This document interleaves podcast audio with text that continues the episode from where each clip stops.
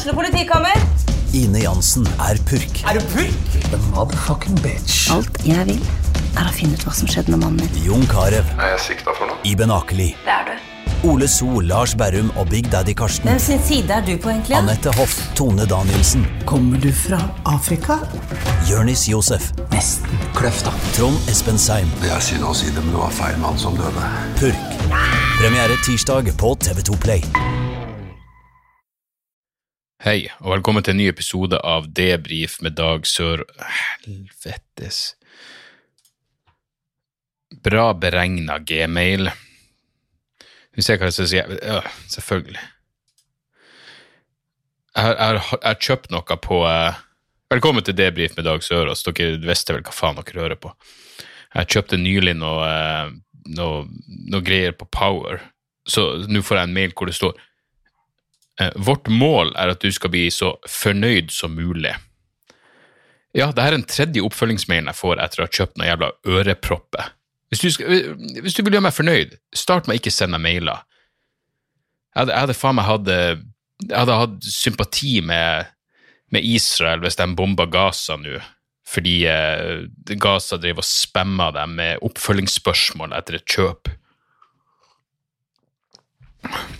Ikke at ikke jeg støtter jeg mener, du, du må jo være en holocaust-fornekter for å ikke heie på Guds utvalgte folk akkurat nå. Selv om det, Du kan jo argumentere for at du skjønner at det er potensielt eh, Som en, som en uh, hardbarka ateist, så kan du skjønne at noen syns det er potensielt uh, provoserende. Uh, ikke bare med, med nybyggere som kaster folk, kaster palestinere ut av hjem de har bodd i generasjoner, fra et landområde som egentlig ikke er Israel sitt i utgangspunktet, men når, når israelsk politi angriper uh, muslimske folk mens de ber inne i Al- Al-Aqsa-moskeen, så kan du skjønne at, at noen reagerer jo. Uh, sender dem inn i, i moskeen for å sparke hellig rev. Hellig rev. Uh, og så har det her okkuperte folket nerve nok til å reagere etterpå. Det, det er jo helt Ja, fikk de ikke med seg Hitler? Det må, det må, akkurat denne konflikten her må være en av de rene områdene hvor uh, selv det å prøve å ta et mer nyansert syn på saken, uh, så er jeg fortsatt ganske uh, ganske hardbarka Israel-kritiker, må jeg si. Men det, det kan jo selvfølgelig bare være fordi jeg, jeg syns at ideen om internasjonal lov er viktig. Fordi det er det eneste vi har for å, for å liksom sette bremse på at ikke bare rå makt skal Hvis du ikke har noen form for internasjonal lov, så betyr det bare at rå makt regjerer i eh, internasjonale forhold. Noe de gjør, åpenbart. Eh, men eh, som en tilhenger av internasjonal lov, så er det veldig vanskelig å støtte det, det Israel holder på med. Hva de gjør innenfor sine egne grenser, vil jeg ikke ha noe problem med. Men sånn som det står seg nå, så er vel det her nok en jævla grunn til å, til å kritisere Guds utvalgte folk for deres eh, totale jeg, jeg husker jeg pleide å ha en vits om det som Jeg gjorde den aldri på norsk, men, men på engelsk funka det bedre eh, med et eller annet at eh, eh, Historical jeg, jeg, jeg, tror aldri jeg sa det på norsk, så jeg vet ikke engang hva det blir på norsk. Men eh, jeg sa noe sånn som at eh, eh, Ja, historical amnesia var en av uh, gavene. Gavene eh, som Gud eh, eh, ga til sitt, eh, sine favorittmennesker. Så, eh, så sånn er nå en gang det. Ellers, eh, ja faen, det må jeg også nevne. Jeg prata jo om Bill Gates og hans uh, Hvordan Bill Gates er på Tinder og alt det der. Uh, Nå viser det seg jo at uh, gode gamle Jeffrey Epstein Menneskehandler, eh, pedofil, eh, entreprenør mulig Mossad-agent, hvem faen vet. Eh, Det gode, godeste Jeffrey Epstein kan være det som har kommet imellom Bill og eh, Melinda Gates. Um, og jeg, jeg kan jo skjønne at hun setter foten ned akkurat der, det tok jo sin tid. Eh, sånn som Dama mi er jo ekstremt tolerant, men hvis jeg driver og henger med en, en velkjent menneskehandler og overgriper, så tror jeg dama mi ville vært sånn Altså, det, det, det finnes det vel andre folk der ute, gjør det ikke det? Men um, det, det er jo selvfølgelig de der ute som vil argumentere, og jeg er kanskje den eneste, men det er det verste Jeffrey Epstein har gjort. Det gjorde han etter, eh, god tid etter at han var gått i grava, etter at han selvmorda seg sjøl. så brøyt han altså opp eh, ekteskapet til Bill Gates, selv om eh, de skal vel fortsette å jobbe sammen, Bill og Melinda. Det, jeg mener, det setter også det eh, ekteskapsbruddet litt i et Det setter Melinda i et litt dårligere lys, hvis hun er sånn Ja, nei, altså det at eh, Bill henger med en eh, eller velkjent, velkjent uh, pedofil overgreper, det uh, er nok til at jeg må bryte opp ekteskapet, men, men, ikke nok til at vi må avslutte vårt profesjonelle samarbeid. Nei, Kanskje det var litt av problemet med Jeffrey Epstein generelt, uh, at man ikke brøt det profesjonelle samarbeidet med han. Shout-out til Terje Rød-Larsen. Så får dere bare google det. Hvis dere, hvis dere ikke skjønte den, så får dere google Terje Rød-Larsen pluss Jeffrey Epstein er lik sant. Um, uansett, jeg må, jeg må, si jeg er i et sånn generelt uh, relativt uh, relativt positivt uh, humør akkurat nå, og det kan jo selvfølgelig være promillerelatert, hvem vet. men jeg gidder ikke Altså, det er et eller annet med når man bare følger sånn sånn halvveis med på, uh, covid-relaterte nyheter, så plukker man mer opp bare i sånn stemning. Og i hvert fall for hva er det nå, tirsdag, så i helga, eller kanskje det var før helga, så følte jeg bare at det var en sånn en sånn generell optimisme. Raymond Hansen var ute og sa at han trodde pandemien kan være over i løpet av juli. Det er jo fantastisk. Eh, myndighetene står fortsatt på at eh, vi vil være ferdigvaksinert innen august. Og, og da, da, driter jeg bare i at Nakstad kommer ut rett etterpå og prater om ja, men hva med den, den indiske varianten, vi vet ingenting om den. Hva var det siste? Noe fuckings covid-sopp? Noe underlivssopp eller et eller annet du kan få i ettertid? Eh, etter at du har vært covid-smitta, skal du faen meg få soppinfeksjon med mer covid. Hvor, hvor mye covid eh, trenger du? Så jeg, jeg, jeg, jeg, klarer faen ikke å, å, forholde meg til det. Så jeg bare bestemte meg på et eller annet tidspunkt bestemte jeg meg for at jeg, velger å være optimist akkurat nå. Jeg gidder ikke å forholde meg til negative spekulasjoner, uansett hvor realistisk de, de negative spekulasjonene enn måtte være.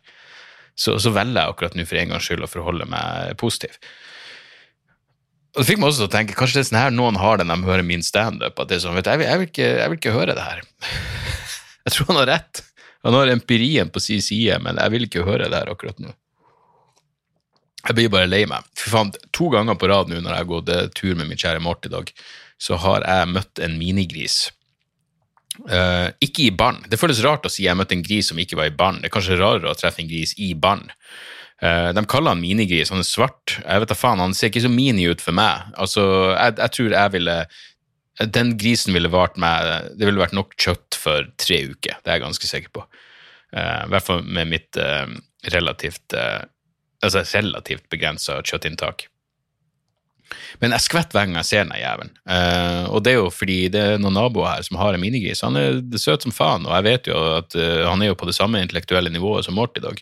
Ikke at det nødvendigvis er så helvetes mye å skryte av, men uh, ja, men det er en gang der vi er. Jeg syns det er kult. Jeg lurer på, hvis det noen gang kommer til det punktet Jeg kommer til å være død for lenge, for lenge siden, men hvor det kommer til det punktet hvor man virkelig tar et oppgjør med kjøttspisere, og det blir en Nürnberg-prosess med alle som har eh, fortæra bacon og alt det der.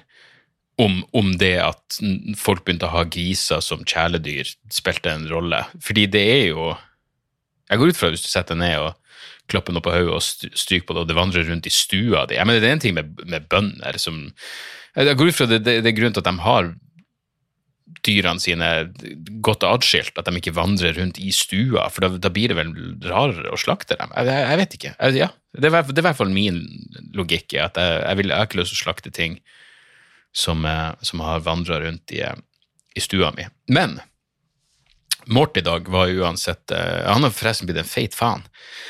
Han skulle uh, Det er jo faen meg, det er jo så mye greier med han. Så i dag skulle han på eh, kloklipping.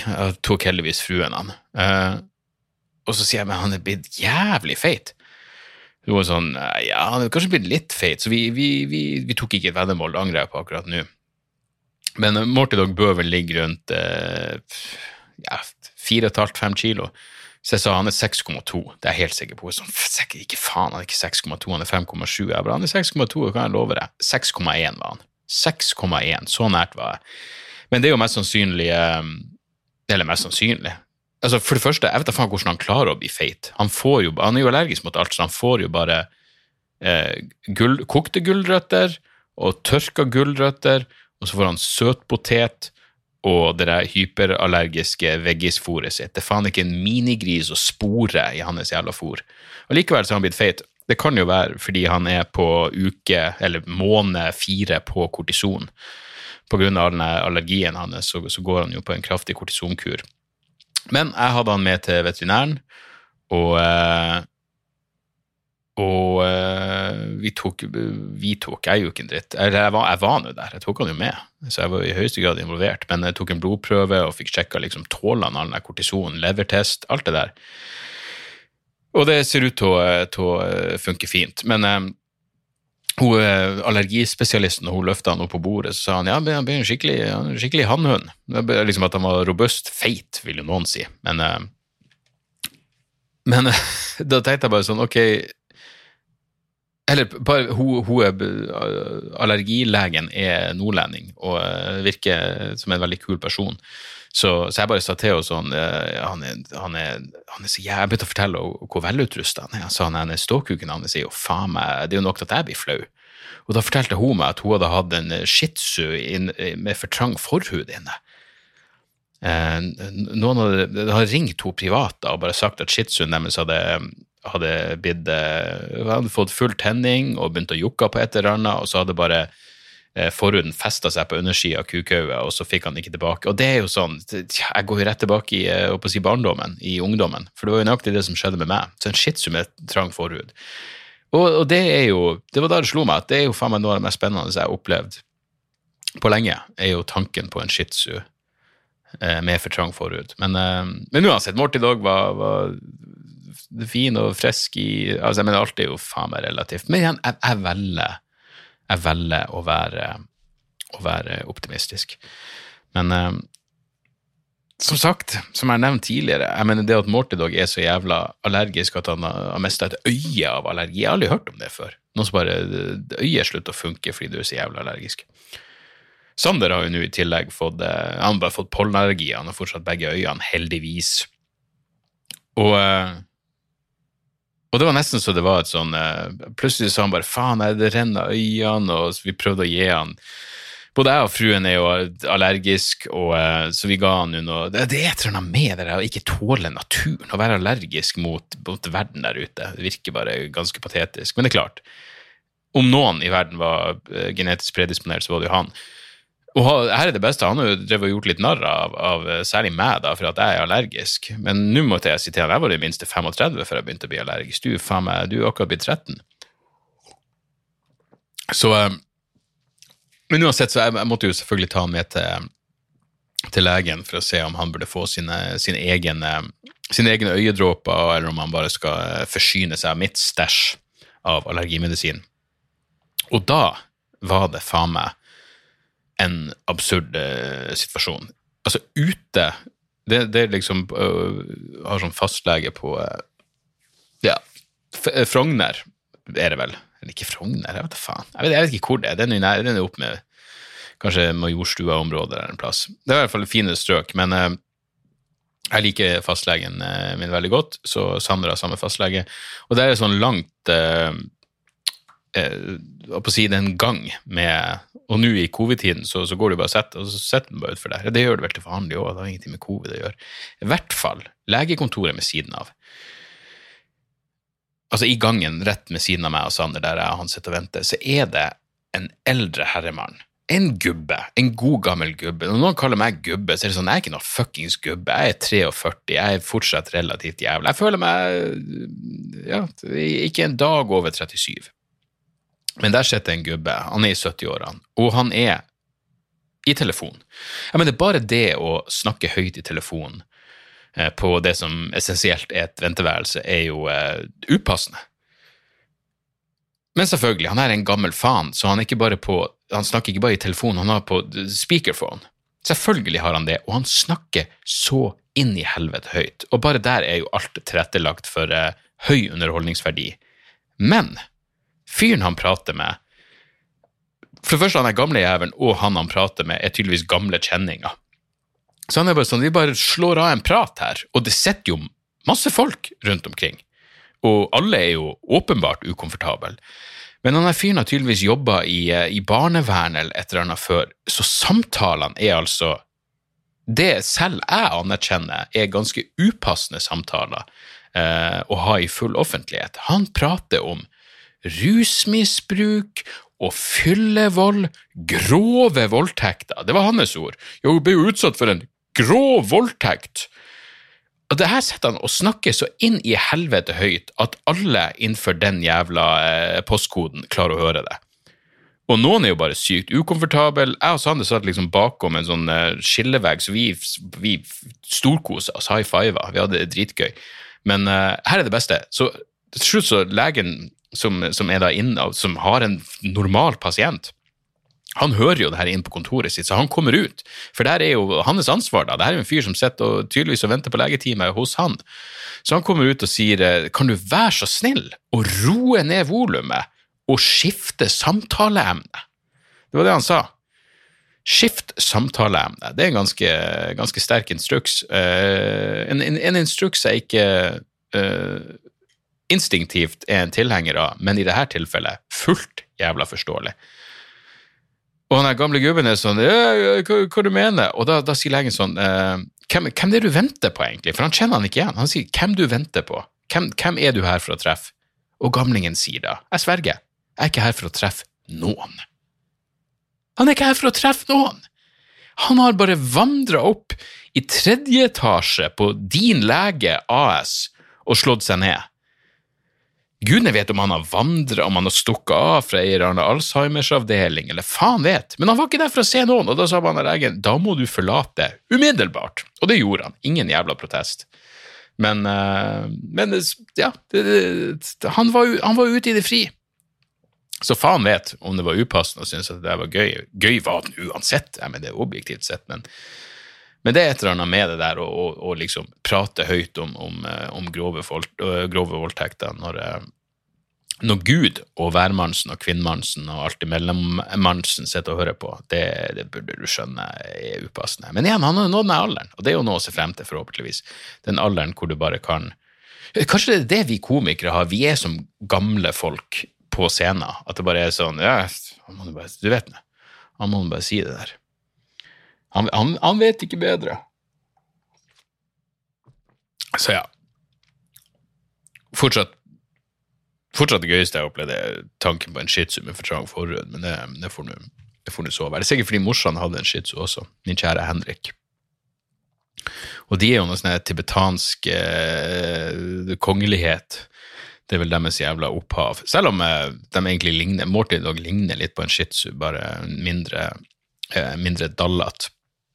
Så etter at jeg og Sander Sandra hadde vært hos, eh, hos legen, så skulle jeg gå innom polet, og her, da var jo klokka uh, fire på en fredag. Og det sier seg jo sjøl at det her er en forferdelig dårlig idé. Så jeg bare sier til Sander sånn, bare du stikker hjem, for senteret er ikke så langt unna der vi bor. Bare, bare stikk hjem. Uh, eller for å være helt ærlig så var det ikke det som skjedde. Jeg sa uh, jeg må innom polet en tur, men det er sikkert litt kø. Og så sa han jeg, jeg gidder ikke å vente, jeg går hjem. Så sa jeg ok, det var vel det som skjedde. Jeg, jeg kunne trengt selskapet. Men så jeg tar liksom den inngangen inn på Manglerudsenteret, og så ser jeg at det er litt kø, men det er ikke så mye kø. Så jeg er jo fuckings overlykkelig. Så jeg stiller meg bakom den bakerste fyren i køa. Dette er tilfeldigvis eh, rett i nærheten av, eller rett ved den andre inngangen den Det, det er liksom to innganger til senteret, og jeg kom inn inngang én, og køa går ned mot inngang to.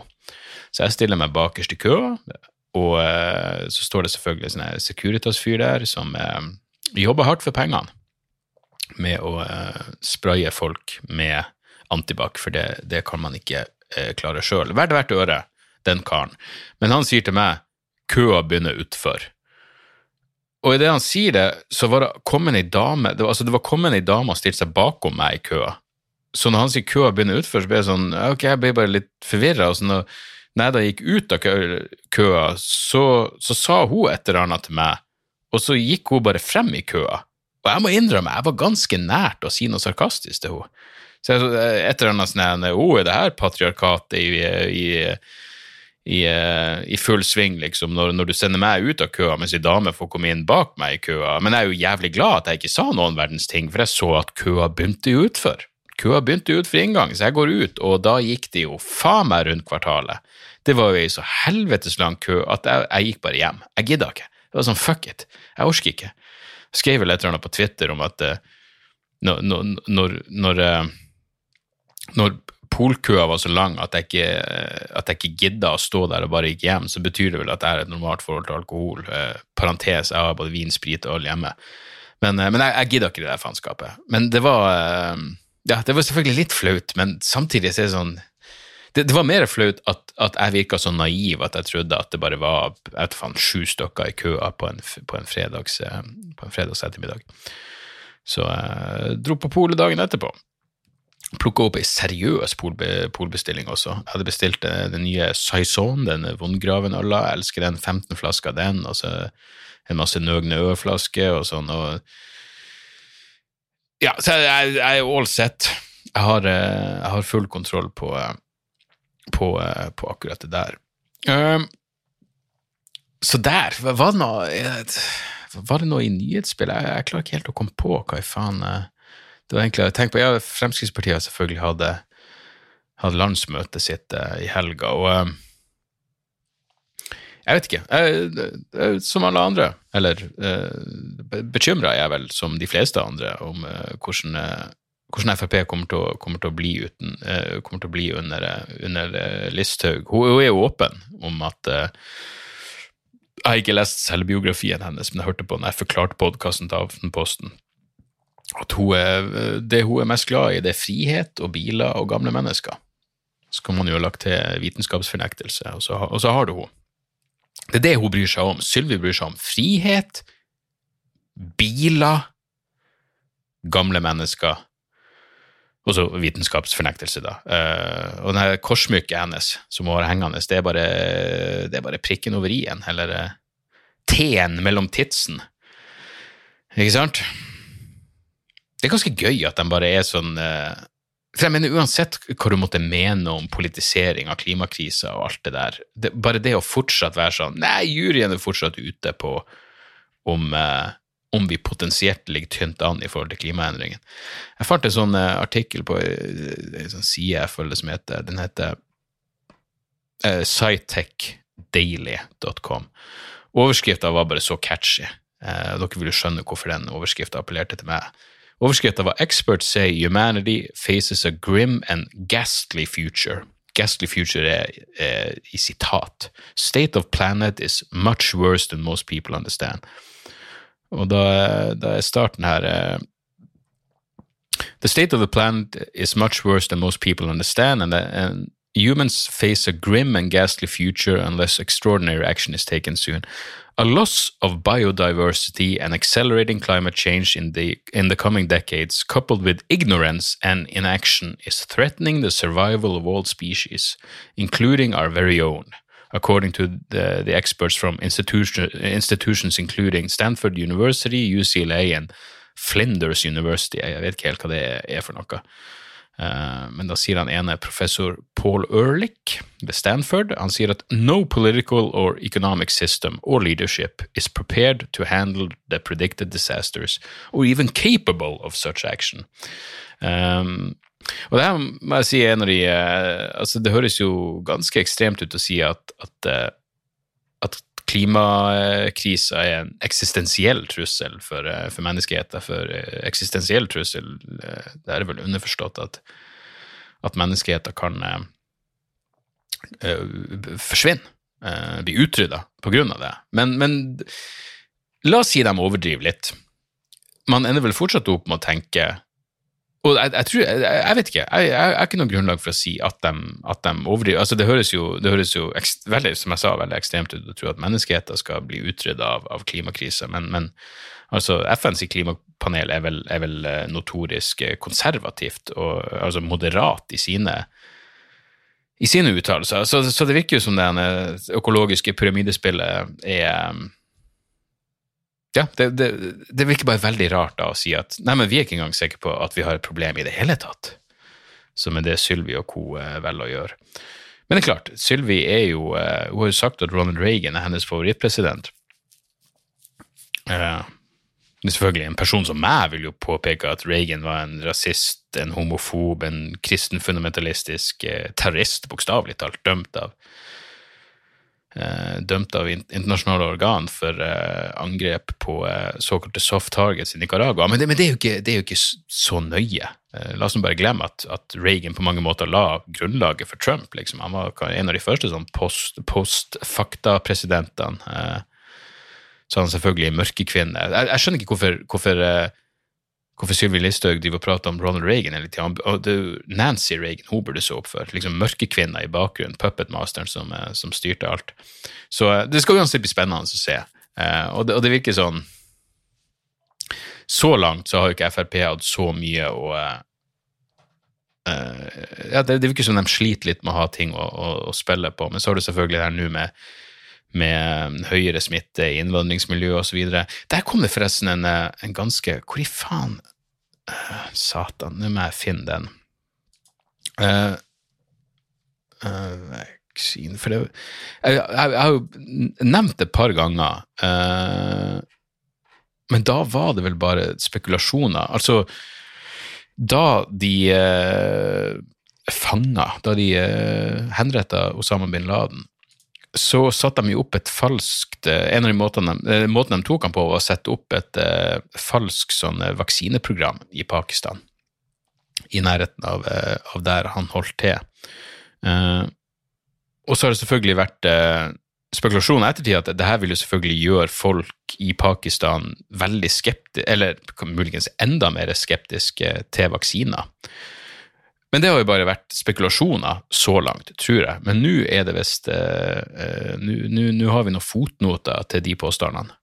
Så det har altså kommet ut en eh, forskningsrapport som heter eh, i eh, ja, Journal of the European Economic Association, jeg vet ikke, det her er Oxford eh, University Press, som konkluderer med at mistro til vaksineprogram etter det falske CIA-vaksinasjonsprogrammet i 2011 eh, det resulterte i eh, betraktelig eh, eh, vaksinasjonsnedgang i Pakistan.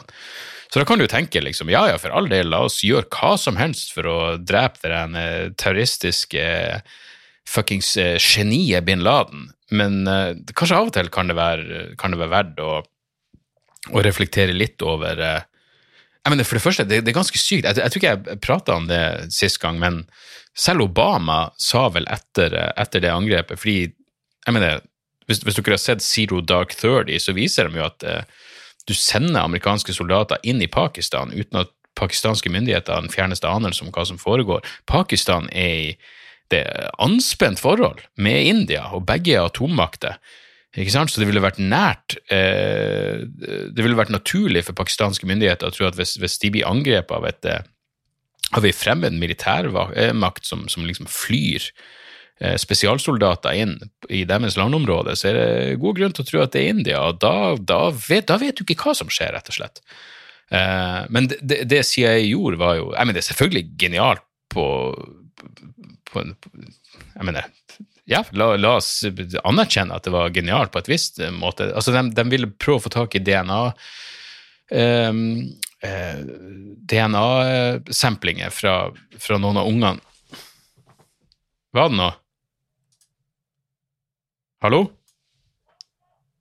Ja, bare så paranoid og trodde noen kom inn. De, de ville ha eh, DNA-bevis fra noen av de ungene som bodde i det der, eh, compoundet som bin Laden gjemte seg. Så de, så de sendte inn en lokal doktor og lot som eh, det her var et, eh, et, eh, vaksinasjonsprogram.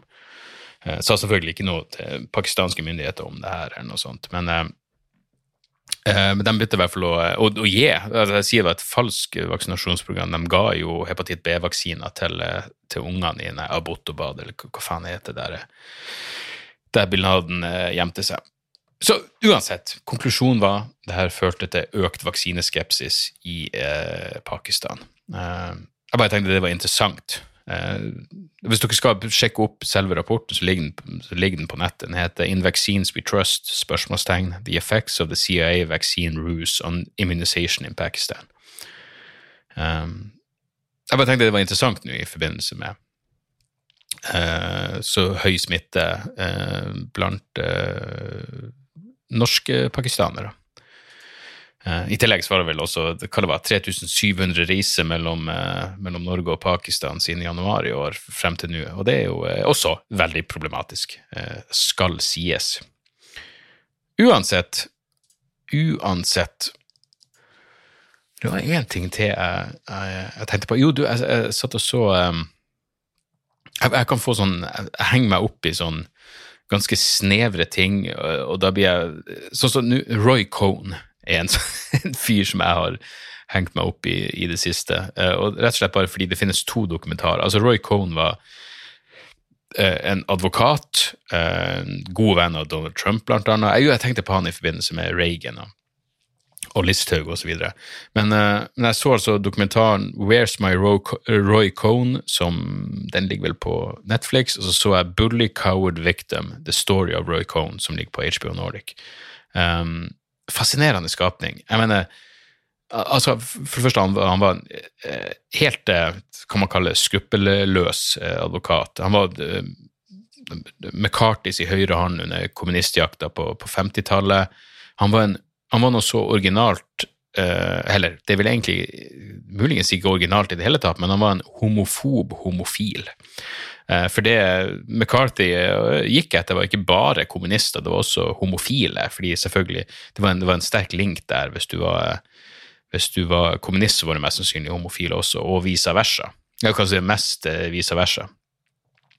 Men når du ser de dokumentarene om han, så skjønner du at det her var en Altså, det, det er en ting å være umoralsk, han virka bare amoralsk. Jeg vet ikke engang om Jeg, jeg kan ikke huske å ha sett dokumentarer om en person hvor folk så eh, uten forbehold kaller noen ond. Nå skal det jo legges til, legges til hvis du, hvis du googler Roy Cohn, C-O-H-N, så ser han ond ut. Jeg mener, han ser latterlig ond ut. Han ser ut som ja, men Bokstavelig talt som han, som han, liksom, han, han spilte i en eh, Han var skurken i en Bond-film på 60-tallet. Han er Blowfelt eller Goldfinger eller et eller annet. Altså, han ser så inn i helvete jævlig ut. Og så var han i tillegg så inn i helvete jævlig. Og, og liksom eh, Ja, men det er bare helt sånn. Han, han, hadde en sånn idé om at betal aldri regningene dine. Jeg lurer på hvor Trump fikk eh, ja, det han lærte. det i stor grad av Roy Cohn. Bare, du vil dø med mest mulig skatt. Det gjelder generelt, men i hvert fall med aldri betal skatt. Aldri betal skatt. For det får du ingenting igjen for. Og, eh, og her er det gøyeste. Døde av aids. Men påsto at det var leversvikt, for han nekta til den dagen han døde at han var homofil. Han tok til og med og, faka et ekteskap med Hvem faen var det? Barbara Walters er det første navnet som detter inn i hodet mitt. Han faka hvert fall, han, han, for han kjente Han et sinnssykt stort nettverk, så han kjente liksom folk i, eh, i, i høye samfunnslag. Og alle ville ha han som advokat, fordi eh, du, du, vet du, du ble, du ble frifunnet for hva enn det var. Bare, bare, bare en, slimål av fuckings dimensjoner. Men så fikk han aids, da. Men benekta ikke bare at han var homofil, men at han hadde aids. Han, han påsto til dagen han døde, jeg har ikke aids. Jeg, jeg vet jeg er i ferd med å dø, men jeg er ikke i ferd med å dø av aids. Jeg er i ferd med å dø av leversvikt. Det var det han sa. Leversvikt, ikke aids. Tenk å dø av aids og si at du døde av leversvikt i stedet. Jeg, jeg skal Han har inspirert meg. Jeg skal gjøre det motsatte. Jeg skal dø av leversvikt og insistere på at det var aids. Hvis du dør av aids i 2021, så da har du gjort et eller annet riktig. Det bare virker sånn. Men, eh, men uansett, det, det det fikk meg til å tenke på, var bare sånn, for han, han levde jo Jeg vet da faen, hvor gammel ble han? Eh, Han ble vel rundt 60 eller noe sånt. Og jeg, jeg syns det bestandig er så fascinerende med sånne folk som det som bare virker som de ikke har noe form for liksom, Nære venner av han sa at han var ikke interessert i et forhold. Han, han ville ikke ha et forhold med et menneske. Han, han ville pule noen, eller så ville han tjene noe på og kjenne det. Alt var en transaksjon. Selv de nærmeste vennskapene han hadde, handla om transaksjoner. Og da tenker jeg sånn, får du liksom, Hva er, hva er meninga i det livet ditt? Har du noen form for mening i livet ditt? Kanskje, kanskje livet hans er bra, for jeg tenkte sånn at jeg mener, jeg tror jo i, i bunn og grunn at livet er meningsløst. Jeg mener, du skaper jo din egen mening, og selvfølgelig, og alt det der, men, men det at livet i bunn og grunn er meningsløst, er helt greit, så lenge livet er bra. Så lenge de rundt meg har det bra, og jeg har det bra, og liksom, ja, alt går bra, så, så, så er det ikke noe stress at det ikke er noe dypere mening med livet. Men en sånn her fyr, jeg mener, selv på slutten, du vet det går mot enden. Du vet hva du er i ferd med å dø av, og bare stå på det, og nekte. Du benekter den du er til du fuck Du går i grava i benektelse av den du er. Kanskje det bare kommer til det punktet hvor det er sånn hele meninga du finner med livet ditt, for jeg har bestandig tenkt liksom, at, at meninga med livet er å bli komfortabel med det faktum at livet er meningsløst. Men kanskje han fant sin mening i at meninga med mitt liv er å benekte den jeg er. Meninga med mitt liv er å aldri si sannheten. Samtidig som han insisterte på at, at sannhet var det viktigste for han. Hva enn han gjorde, så sa han sannheten. Og det er sånn, wow. Jeg, jeg, jeg, tror ikke engang det her er kognitiv dissonans. Jeg tror det er en slags nihilistisk Livet for han var et nihilistisk rollespill og hvis du har noen form for fascinasjon for, for den type mennesker, for det er jo i bunn og grunn Hvis du er interessert i true crime og psykologi og, og ondskap, så burde du virkelig se de her Roy Cone-dokumentarene. Det er noe av det mest fascinerende og noe av det tristeste jeg noen gang har sett. Uh, det var så trist da jeg var ferdig med det. Jeg, jeg, jeg, jeg, følte for, og jeg visste ikke hvordan jeg skulle Jeg, ble så glad over at um, Jeg tror jeg kom over Jeg gikk inn på YouTube etterpå bare for å finne noe hyggeligere, og så Nei, jeg, gikk på nettet og så fant jeg en artikkel om filmen Clueless. Jeg husker ikke den fra, jeg husker jeg, jeg så Clueless på kino, og det var blitt en slags kultfilm. Men jeg husker at Alicia Silverstone Jeg hadde en sånn helvetes crush på henne før. Selvfølgelig hadde jeg det, vi var jo sikkert på samme alder, i samme alder, tror jeg. Jeg tror hun er litt eldre enn deg, faktisk. Nå skal vi, nå skal vi se. Uh, vaksin Altså, av og til tenker jeg sånn Hvis PST eller CIA eller nei, NSA driver og overvåker mine Google-søk, eh, hvis eh, VPN-en min ikke funker Det at jeg går rett fra å google vaksinasjonsprogrammet i Abbottabad i 2011 til Alicia Silverstone da må jeg i minst tenke at jeg er et, et variert menneske. Hun er 44, født i 76, ok, så hun er ett år eldre enn meg. Jeg hadde en sånn jævla crush på henne, og av og til så er det fascinerende. Oftest er det bare trist, men det er også fascinerende å se hvordan, hvordan de holder seg. Og hun var sånn jeg tenkte det her kan gå alle veier. Jeg husker Alicia Silverstone i å, Hva faen heter den filmen? Jeg skal faen meg sjekke det opp. Eh, for var, den kom før den kom før eh, Clueless. Hun spilte ei sånn eh, typisk dattera som prøvde å forføre en eh, Hun prøvde å forføre en eller annen fyr, og var så inn i helvete sexy, den. Selvfølgelig, Og så var hun med i de Aerosmith-videoene også. Helvete. Så vi ser Clue Hideaway. Kan det ha vært Hideaway? Jeg husker ikke. Det var i hvert fall, Men altså, hun var så inn i helvete fin, og da husker jeg at uh, The Crush var det vel, for faen. Ja. The Crush. Um, men poenget mitt var bare hun holdt seg bedre enn uh, Roy Cohn. Det gjør hun åpenbart, hun lever jo fortsatt. Men hvis så jeg fant henne på Instagram, begynte å følge henne på Instagram og tenkte det er vel et av de mest sånne eh, liksom forsvarlige kvinnemenneskene jeg har lagt til på Instagram på evigheter en 44 år gammel dame. Men holdt seg bra, og det, det gjorde meg glad på et eller annet vis. Jeg vet da faen. Roy Cohn døde av aids, og Alicia Silverstone er fortsatt fin. Eh, hvis ikke det oppsummerer eh, verden for deg, så, så, vet ikke jeg. Da vet jeg ikke hva jeg skal gjøre for å hjelpe deg. Du, la oss dra det her i land. Uh, la meg nevne at jeg skal turneres inn i helvete til høsten og alle showdatoer, billetter, alt det der ligger på dagsoras.com. Start i Stavanger i eh, slutten av august, og så, og så skal jeg overalt.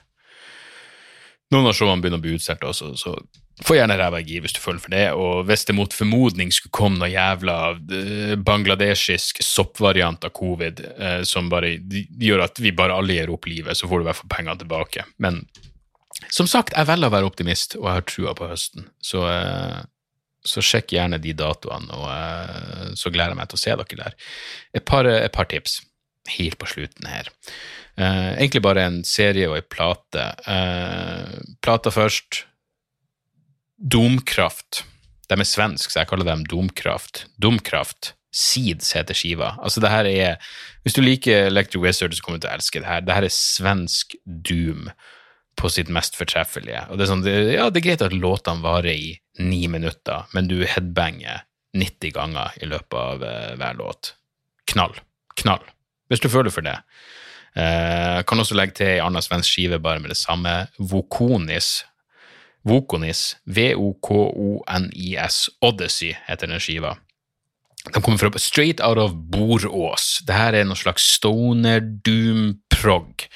Og det er folk fra Opet og Spiritual Beggars som er med. Når, når du setter på første låten, så tenker du ah, ok, det her høres ut som gammel Mastodon og Sludge. Og så når du kommer inn på spor nummer tre, så tenker du faen, den kombinasjonen av den harde vokalen og den rene vokalen det er jo interessante, intrikate melodier, og så skjønner du at å, plutselig er det noen låter som varer jævlig mye lenger. og så det, den skiva er faen meg ei fin reise. Så Odyssey av Vokonis og Seeds med Dumkraft. Og så vil jeg anbefale serien The Sons of Sam på Netflix, som er en dokumentarserie i fire deler om eh, eh, David Berkowitz, Son of Sam. Og jeg kjente til han fra før av. Uh, jeg husker også at Spike Lee hadde en Uh, på Spike Lee hadde en film som heter Summer of Sam. For den uh, ene sommeren hvor Son of Sam herja, så var det i tillegg sinnssykt varmt i New York. Varmt som faen.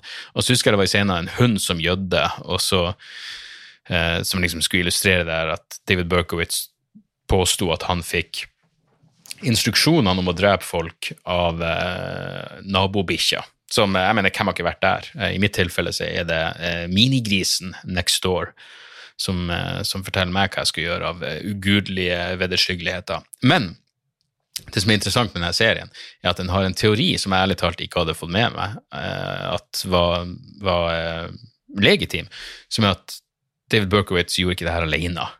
Han hadde medhjelpere, og han sto ikke bak alle drapene, noe han etter hvert sa sjøl også. Men serien handler egentlig om eh, uh, journalisten da, som, som begynner å eh, som begynner å, eh, å, å fronte den her eh, eh, teorien. Altså, journalisten Maury Terry heter han. Han begynner å, å, få mer og mer fot på denne ideen om at, at David Berkowitz var med i ei satanisk sekt og så begynner det å spinne helt ut av kontroll. Og det her er jo, sant, det her er jo i konteksten av det Satanic Panic, og på, på slutten av 70-tallet og 80-tallet så var det jo ja, det var jo total galskap der ute, og folk så jo faen meg satanister på hvert eh, gatehjørne. Så jeg skal egentlig ikke røpe for mye, men, men det, det, det, handler like mye om, om Maury Terry som det gjør om David Berkowitz. Og det er sånn, det viser bare hvor, hvor blinda man kan bli når man først blir Jeg lurer litt på uh, han Terry der var jo en, uh, en uh, religiøs mann, og jeg lurer på hvordan det forma hans um, vrangforestillinger om at det her var noe jævla satanistisk konspirasjon, og ikke bare én eller flere folk som gjorde forferdelige ting. Uansett, jævlig verdt å se. Jeg, jeg bincha hele dritten i ei setting. Jeg så alle episodene på én kveld. Det er vel sånn ca. fire timer til sammen. Og ja, dritbra. Virkelig noe av det bedre jeg har sett av, av, true crime de siste årene. Så The Sons of Sam, A Descent into Darkness på Netflix.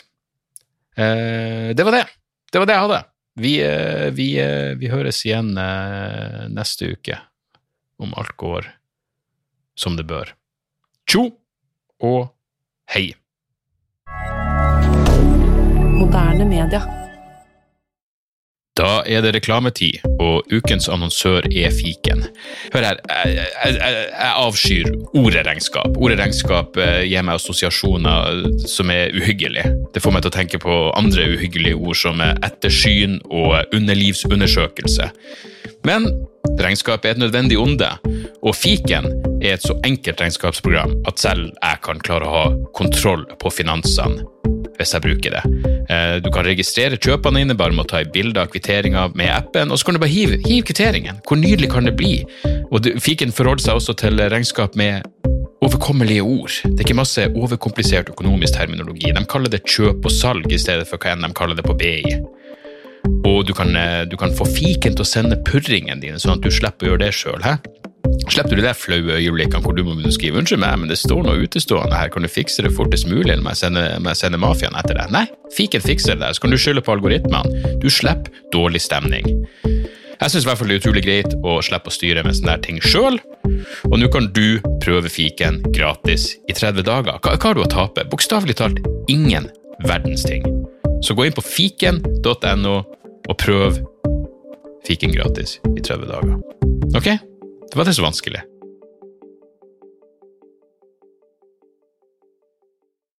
Har du et enkeltpersonforetak eller en liten bedrift? Da er du sikkert lei av å høre meg snakke om hvor enkelt det er med kvitteringer og bilag i fiken, så vi eh, gir oss her, vi. Fordi vi liker enkelt. Fiken superenkelt regnskap.